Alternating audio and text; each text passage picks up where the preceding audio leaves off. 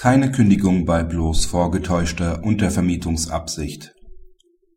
Die Verweigerung der Untervermietung gestattet es dem Mieter, den Mietvertrag in gesetzlicher Frist zu kündigen.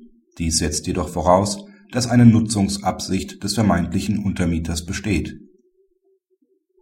Als der vermietende Kläger eine Untervermietung nicht gestattet, kündigen die Beklagten das befristete Mietverhältnis der Vermieter begehrt über diesen Kündigungszeitpunkt hinaus die Miete, weil er am Nutzungsinteresse des Untermieters zweifelt.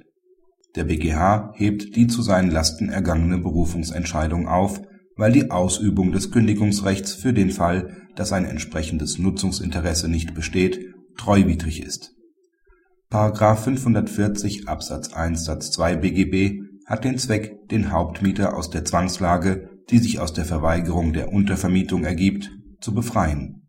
Hat der potenzielle Untermieter jedoch kein Nutzungsinteresse, gibt es keine Zwangslage.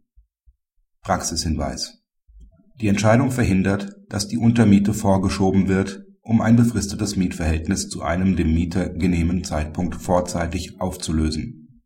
Die Drohung mit einer Untervermietung ist dazu in der Vergangenheit häufig eingesetzt worden.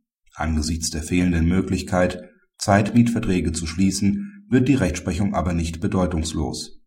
Denn auch im vorliegenden Fall war faktisch eine solche Situation gegeben, in der die Parteien auf das Recht zur Kündigung in zulässiger Weise verzichtet hatten.